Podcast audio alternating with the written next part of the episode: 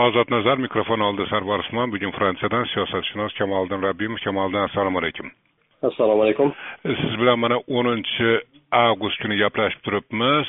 Kunni yarmi bo'ldi yevropada. Shu soatlarda xabarlarga qaraganda e, jurnalist bobomurod abdullayevni ishini e, bishkekda sud ko'rayapti. Xabar qilinishicha unga nisbatan bir ehtiyot chorasi to'g'risida qaror qabul qilinadi. Umuman tushunarsiz ish.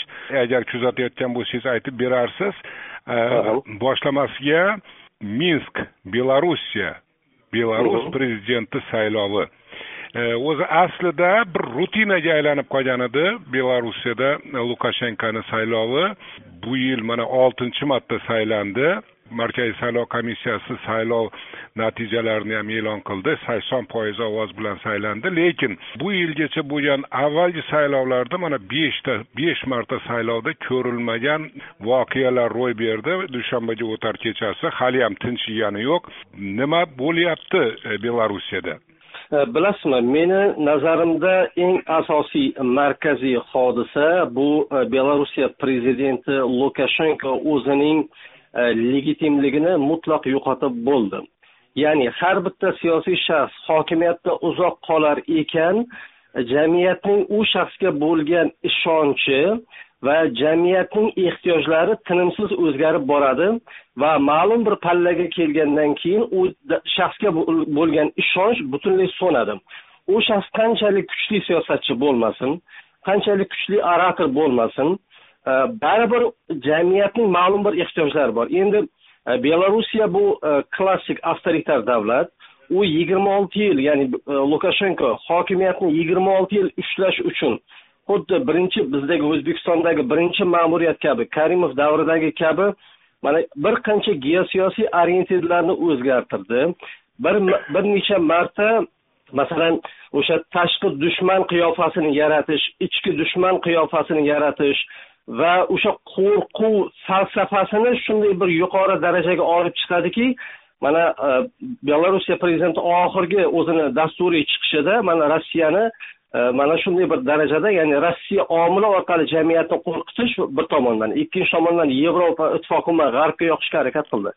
Ya'ni e, belorussiya prezidenti hokimiyatda bo'lar ekan jamiyatning kattagina bir qismi o'zgarishlarni istovchi bir qismi o'zining o'sha hayotiy loyihalarni amalga oshira olmaydi. Bunga avtoritarizm imkon bermaydi chunki avtoritarizmning eng birinchi belgisi u vaziyatning xo'jayini ya'ni o'sha e, jamiyatdagi erkinlik bo'lganligi sababli insonlar o'zining potensialini ifoda qila olmaydi. Qanchalik belorusiya rivojlangan bo'lmasin qanchalik odamlar farovon bo'lmasin masalan men bilaman ukrainadagiga nisbatan belarusiyada yalpi mahsulot jon boshiga ancha yuqori. Rossiyadan ham ko'ra yuqori baribir sotsialistik boshqaruv deyarli saqlab qolingan deyishadi belarusiyada. Endi bu o'sha gibrid bir tizim ya'ni belarusiyadagi tizim bu gibrid bir tizim ya'ni o'sha sovet davrida qolgan sanoatlashtirish yo'qotilmadi. Mana o'zbekistonda to'laligicha yo'qotilgan. Yoki markaziy osiyoning aksariyat davlatlari hammasi desak ham bo'ladi. Lekin belarusiyada o'sha potensial saqlanib qolindi va unga qo'shimchalar qo'shildi ya'ni bu ma'noda belorussiya prezidenti lukashenko haqiqatda kuchli bir e, siyosatchi deyishimiz mumkin. U mana uni chiqishlarini qarasangiz mana oxirgi dasturiy. O'sha u tafakkurida u belorussiyaning bamisoli otasi u tasavvurga sig'dira olmaydi u o'zini ketishinida. Ya'ni belorussiyadagi belarusiyadagi asosiy aytmoqchi bo'lgan narsam bu u legitimlik e, imkoniyatlarini to'laligicha o'tab bo'ldi. Hozir beradigan savolimga javob berib bo'ldingiz hamku lekin baribir so'raydi. Qarang chorak asr chidagan belaruslar birdan chidamay qoldi. Nima charchadimi? Yo'q charchadi ham lekin biror bir siyosiy shaxs siyosiy kuch to'g'risidagi tasavvurlar jamiyatda evolyutsiyaga uchrab boradi. Masalan e, men o'sha varshava universitetida ikki ming besh ikki ming oltinchi yillar o'qiganimda belarus e, o'sha talabalari yoki Э, o'sha tinglovchilar bilan ko'p gaplashganman. U muxolifatchilar bilan ham. Ya'ni jamiyatda belaruslik ya'ni lukashenkoga nisbatan munosabat ziddiyatli edi va umuman olganda ma'lum bir konsensus bor ediki to'g'ri bu avtokrat to'g'ri bu diktator. Lekin e, professionniy diktator deyishardi. Ya'ni e, mana bu o'zbekistondagi birinchi ma'muriyat davridagi kabi repressiyalar ommaviy emas edi. Ya'ni aniq nishonga urilgan konkret shaxslarga va ma'lum bir dozadan oshmas edi. Mana hozir ham xuddi shunday. Ya'ni belorussiya prezidenti agarki ommaviy repressiyalarni boshlab yuboradigan bo'lsa ana undan keyin g'arb bilan amerika qo'shma shtatlari bilan yevropa ittifoqi bilan va mana qo'shni davlatlari bilan ham boltiqbo'yi davlatlari yoki ukraina bilan ham munosabatlari fundamental salbiy bir qiyofaga ega bo'ladi. Ya'ni bir tomondan lukashenkoni bugungi kundagi vazifasi ommaviy repressiya ommaviy qattiq qatag'onlar qilmasdan vaziyatni ushlab qolishga harakat qilyapti. Aytmoqchi bo'lganimki mana o'sha yigirma olti yil davomida e, ijtimoiy tafakkurda siyosiy tafakkurda uning legitimligi borgan sari pasayib boradi. Endi chorak asr yigirma olti yil davomida albatta unga nisbatan E, salbiy munosabat shakllanadi. Chunki bu manipulyatsiyalar oldin ham bo'lgan lekin jamiyatning norozilik darajasi mana bugungi darajaga kelmagan. Endi buni sabablari nima uchun keyingi besh olti yilda mana shunday bir kuchli bir darajaga yetishtirildi desa uni ichki menimcha tashqi sabablari ham bor baribir. Endi jamiyat albatta o'zgarishlar xohlaydi. Chunki agar legitim o'sha konstitutsiyada har ikki mandatda bir marta hokimiyat almashinishi kerak bo'lsa hozir belarusiyada e, o'sha uchinchi yoki to'rtinchi prezident bo'lishi kerak edi. Qo'shnilar bilan munosabatlariga ta'sir qiladi dedingiz so'nggi voqealar ta'sir qilishga ulgurdi ham. Masalan polsha e, yevropa ittifoqini navbatdan tashqari sammitini chaqirishga chaqirdi. Belarusiyadagi eng so'nggi vaziyatdan kelib chiqib. Yevropa ittifoqi qanday pozitsiya tutishi mumkin endi belarusga nisbatan? Bilasizmi menimcha amerika qo'shma shtatlarida ham yevropa ittifoqida ham ikkita asosiy qarash nuqtasi bo'ladi. Birinchisi belorussiyaning geosiyosiy mustaqilligi ya'ni rossiyaga nisbatan va rossiyadan geosiyosiy mustaqilligi.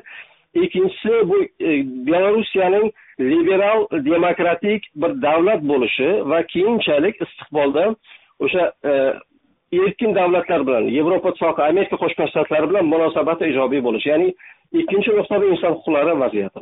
Mana shu ikki parametr ya'ni tarozining ikkita pallasi bor.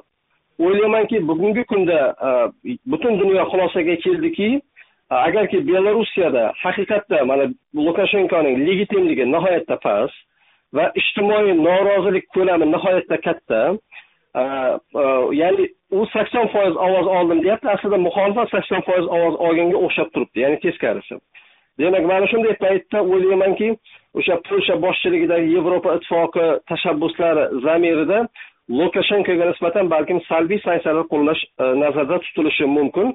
O'ylaymanki belorussiyadagi ommaviy chiqishlar endi boshlanyapti va bu yaqin o'rtada tugamasligi mumkin. Mana hozir do'st kanalini ko'ryapman boshqa kanallarni ko'ryapman. E, endi minskda anchagina shiddatli kurashlar ya'ni to'qnashuvlar ketyapti lekin viloyatlarda hududlarda o'sha omonchilar yoki kuch ishlatar tizimlarning resursi yetmayapti odamlarni boshqarishga yoki ularga qarshi turishga. So'nggi ma'lumotlarga qaraganda o'sha muxolifatni aytishicha hatto bir kishi o'ldi ham. Tunda bo'lgan militsiya bilan bo'lgan to'qnashuvlar paytida mahbus tashiydigan mashina urib ketib namoyishchilardan norozilardan bir kishi halok bo'lgani haqida xabar qilindi. Endi belarusiyadagi voqealarni gapirar ekanmiz. Moskvani tilga olmaslik mumkin emas. Putin xitoydan keyin qozog'istondan keyin uchinchi bo'lib tabrikladi. Odatda eng birinchi tabriklardi va saylov arafasida o'sha chvk vagner deyiladiku o'shani o'shani jangarilari bilan bog'liq qandaydir bir tushunarsiz vaziyat yuzaga keldi. Juda ko'p gapirildi bu haqda. O'sha qurolli kishilar belarusiyada ushlandi minskda ushlandi. Minsk moskva munosabatlari va bugungi saylovlar masalasida nima deysiz endi bilasizmi meni kuzatishim bo'yicha hozir e, moskva belarusiyadagi masalalar borasida bir vaqtni o'zida ikki xil bir e, o'yin o'ynayapti deyishimiz mumkin.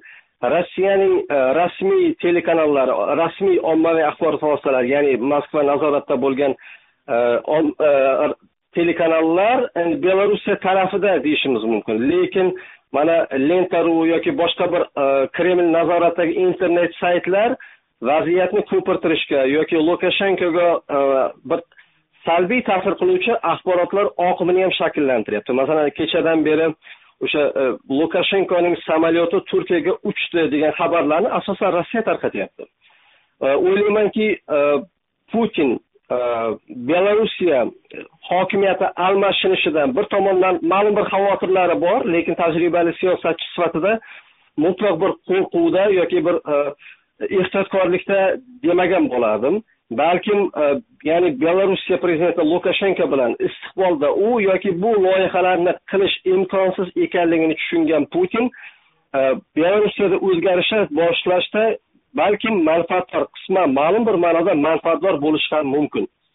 E, lekin ya'ni mana shunday ziddiyatli bir vaziyat ko'zga ko'rinadi. Mana hozir bugun rossiya yigirma to'rt kanali birinchi kanal yoki o'sha boshqa kanallarni ko'rdim u yerda ehtiyotkorlik bilan putin tabriklaganligi saylovlar baribir anchagina xolis o'tganligi urg'ulanyapti lekin ko'pgina internet saytlar bu vaziyatni ko'pirtirishga qaratilgan ma'lumotlar oqimini ham qilyapti endi rossiya katta bir davlat sifatida ziddiyatli bir pozitsiyada turibdi deyish mumkin saylov arafasida yana masalan valeriy tsipkalani orqasida moskva turgan prezidentlikka nomzod ham deyishdi. Moskvani bu proyekti o'tmay qoldimi? Endi shunday bo'lishi mumkin. Buni detallarini hozirgi paytda aniq bir ishonchli manbalar bilan tasdiqlash imkonsiz. Lekin men o'ylaymanki agarki haqiqatda demokratik jarayonlar boshlansa bu jarayonlarni biror bir tashqi davlat to'laqonli boshqara olmaydi bu to'laqonli boshqarish imkonsiz bo'ladi deb o'ylayman. Bir tomondan belorussiya uchun rossiya bu muhim davlat bo'lib qolaveradi chunki rossiya e, belorussiyaning sanoati savdo iqtisodiy hamkorligi umuman sivilizatsiya darajasidagi e, rossiya bilan judayam kuchli bog'liq. Lekin ayni paytda e, belorussiya o'zining tashqi siyosatini muvozanatga soladi o'zgarishlar boshlangandan keyin. Ya'ni e, yevropa ittifoqi g'arb bilan munosabatlarni tartibga soladi. Ya'ni ancha kengaytiradi. Lekin bu rossiyaga qarama qarshi qo'yish uchun bo'ladi deb o'ylamayman. Chunki o'ylaymanki rossiya bilan hamkorlikka ehtiyoj baribir saqlanib qolaveradi. Eng katta asosiy muhim qo'shnisi sifatida. Siz bilan suhbatlashib turgan paytimizda xabar e, keldi. E, tixanovskaya o'sha ikkinchi o'rinni olgan tixanovskaya men o'zimni saylovda g'olib deb hisoblayman va tan olmayman deyapti. Saylov natijalarini tunda boshlangan to'polonlarni shaxsan men ertalab tushdan keyin yo'qqa chiqadi tushdan keyin to'xtaydi degan edim o'zimcha. Sizni prognozingiz qanday? Qanchaga cho'zilishi mumkin bu norozilik e, aksiyalari endi mana qaranglar rossiyani e, o'sha uzoq sharq hududidagi xabarovskdagi namoyishlar roppa rosa mana bugun o'ttizinchi kun. E, Kengaysa kengayyapti? E, kattarsa kattaryapti ishtirokchilar soni ko'payyapti lekin to'xtayotgani yo'q. Ya'ni globallashgan dunyoda yoki qattiq repressiya hisobiga bu narsani to'xtatish mumkin lekin uning oqibati avtokratlar uchun o'sha ya'ni diktatorlar uchun nihoyatda og'ir bo'ladi. Yoki mana qarang mana belorussiyada ham yoki xabarovskda ham mana e, hattoki qo'shnimiz qozog'istonda ham shuni elementlari ko'rinadi. Bugun har bitta odamda juda ham kuchli megapikselga ega bo'lgan smartfonlar telefonlar mavjud. Ya'ni bugungi kunda axborot bilan kurashish istiqbolsiz. O'shaning uchun jamiyatdagi muammolarni kanallashtirish va hokimiyatlar uchun o'zining legitimligini parvarishlash va vaqtida ketish imkoniyati bor bo'lgan paytda ketish kerak deb o'ylayman. Ya'ni men o'ylaymanki e, bugungi belarusiyadagi asosiy konsensus hokimiyat o'zgarishi kerak o'zgarishlar bo'lishi kerak. Ya'ni e, mana shu jarayonni to'xtatish uchun aytganimdek qattiq bir e, kuch ishlatishlar repressiyalar kerak bo'ladi. Agar belorussiya prezidenti lukashenko ya'ni oldingi prezident yoki bugungi kunda o'zini prezident deb hisoblayotgan lukashenko shu kuch ishlatishni agar boshlaydigan bo'lsa uni mutlaq legitimligi qolmaydi va jamiyat faqatgina fursat poylaydi siyosiy fursat va jamiyatda уже siyosiy inqiroz kuchli siyosiy inqiroz boshlandi. Ya'ni qanday qilib sakson foiz ovoz olgan odam minskka ya'ni belorussiya poytaxtiga harbiy bir e, zirhli e, texnikani ya'ni tankalargacha olib kelib qo'yib o'zini xalqini mana shunday himoya qiladi. Bu absurd emasmi? Ya'ni yigirma olti yil hokimiyatda o'tirgan belarus prezidenti vaziyatni judayam yaxshi biladiki e, yetmish sakson foiz ovoz olgani yo'q. Buni judayam yaxshi biladi. Mana texanovskiy bu siyosatchi emas uy bekasi. Unda mana men ko'rdim kuzatdim. Ya'ni jamiyat har qanday odamga ovoz berishga tayyor faqat maqsad bitta belarus prezidenti lukashenko ketsin. O'ylaymanki bu namoyishlar e, to'xtamaydi. Bu noroziliklar faqat kuchli bir dinamikaga olib boraveradi. Agarki o'rtada uzilish bo'lmasa uzilishni faqat qattiq kuch ishlatish hisobiga amalga oshirish mumkin. Minskda ham maydon bo'lishi mumkinmi o'sha kiyevni maydoni? Shunga o'xshash holat уже boshlandi. Meni kuzatishim bo'yicha уже boshlanib bo'ldi ho'p keling endi e, boshqa mavzuga o'taylik. O'sha suhbat boshida aytganim bobomurod abdullayev masalasi o'zbekistonlik jurnalist. Tinglovchi e, gap nima haqida ketayotganligini bilishi uchun men eslatib qo'yay. Demak o'n sakkizinchi yil yettinchi may kuni jinoyat ishlari bo'yicha toshkent shahar sudida bo'lib o'tgan mahkamada jurnalist bobomurod abdullayev o'zbekiston jinoyat kodeksining bir yuz ellik to'qqizinchi moddasi birinchi qismi b bandida nazarda tutilgan jinoyatni sodir etganlikda aybdor topilib unga ish haqining yigirma foizini davlatga o'tkazish va uch yilga axloq tuzatish ishlariga jalb etish jazosi tayinlangan hamda sud zalidan ozod qilingan. O'sha e, tinglovchimiz eslasa kerak o'sha usmon haqnazarov degan taxallus bilan maqolalar yozganini tan olgan bobomurod e, abdullayev. Endi ma'lumotlarga qaraganda unga mamlakatdan chiqishga e, ruxsat berilgan. O'sha haligi aviar stikeri borku Э, har holda chiqib ketgan va ba'zilarni aytishicha o'sha davlat rasman ruxsat bergan unga chiqib ketishga keyin e, kechagi xabardan e, bilishimcha shaxsan men sinchiklab kuzatganim yo'q edi. Qayerda? Bobomurod abdullayev deb u e, bishkekdaga kelgan ekan bishkekda o'qib yurgan ekan va kecha uni qo'lga olishdi qirg'iziston ma'murlari. Aytilishicha u o'zbekistonni talabi bilan qo'lga olingan. Siz tushundingizmi nima bo'layotganini? Bugun sud bo'lyapti unga nisbatan o'sha ehtiyot chorasi to'g'risida qaror chiqishi kerak. Shu soatlarda ma'lumotlarga qaraganda sud ketyapti bishkekda. Nima nima bo'lishi mumkin? Bobomurod abdullayev ishi nima u? Endi o'ylaymanki hamma qatori menda ham e, to'liq ma'lumotlar mavjud emas o'zbekiston tarafi bobomurod abdullayevni ushlash va balkim keyinchalik o'zbekistonga ekstraditsiya qilish to'g'risida buyurtma bergan ekan. Demak o'zbekiston tarafida qandaydir bir tasavvurlar yoki ma'lumotlar bo'lishi mumkin. Endi e, o'zbekistonda hokimiyat o'zgardi. Bugun hokimiyatda karimov emas va o'zbekiston e, yangi hokimiyati o'zining reputatsiyasi haqida oldingiga nisbatan ancha jiddiy o'ylaydigan bir pallada. Demak o'ylaymanki o'zbekiston e, o'sha kuch ishlatar tizimlarida qandaydir bir yoki ma'lumotlar yoki ma'lum bir tasavvurlar bo'lishi mumkin. Ya'ni e, mana shu e, so'rovnomani beshkekka yuborishdan oldin o'ylaymanki albatta bir yuqoriroq darajada o'ylashgan. Agar biz bunday so'rovnoma bersak buning rezonansi judayam jiddiy bo'lishi mumkin. Xalqaro darajada xalqaro tashkilotlar darajasida o'shaning uchun Э, biz o'zimizni э, o'sha talablarimizni yoki ayblarimizni o'zbekiston va xalqaro huquq darajasida asosli olishimiz kerak degan bir yondashuv bo'lgan bo'lishi kerak. Lekin bu e, nima ya'ni qaysi e, bir e, ayblov yoki qaysi bir masala yuzasidan mana shunday so'rovnoma bo'lgan buni hozir faqatgina har xil taxminlar qilish mumkin. Masalan ba'zi bir vatandoshlarimiz internetdagi u yoki bu profayllarni ya'ni o'zbekiston hokimiyatiga nisbatan keyingi paytlarda e, nohuquqiy noqonuniy haqoratlar tahdidlar har xil shantajlar ya'niki e, o'sha hokimiyatni diskreditatsiya qilish nohuquqiy yo'llar bilan ya'ni o'sha e, shaxsi ochiqlanmagan bir profayllar orqali mana shunday e, ayblash profayllarning egasi bo'lishi mumkin degan taxminlarni oldinga surayapti. Э, bu narsani o'ylaymanki yaqin orada bilamiz hammamiz. Lekin bir narsani aytish kerakki shavkat mirziyoyev hokimiyatga kelganida e, bobo bobomurod abdullayevni o'sha e, o'zbekiston qonunchiligida nazarda tutilgandan ham ko'ra yumshoqroq bir e, munosabat bildirib uni ozodlikka chiqishiga sababchi bo'lgan edi. Ya'ni o'sha paytdagi siyosiy kayfiyat va siyosiy yondashuv va aynan bomurod abdullayevga nisbatan mana shunday bir yumshoq yondashuv kuzatilgan edi.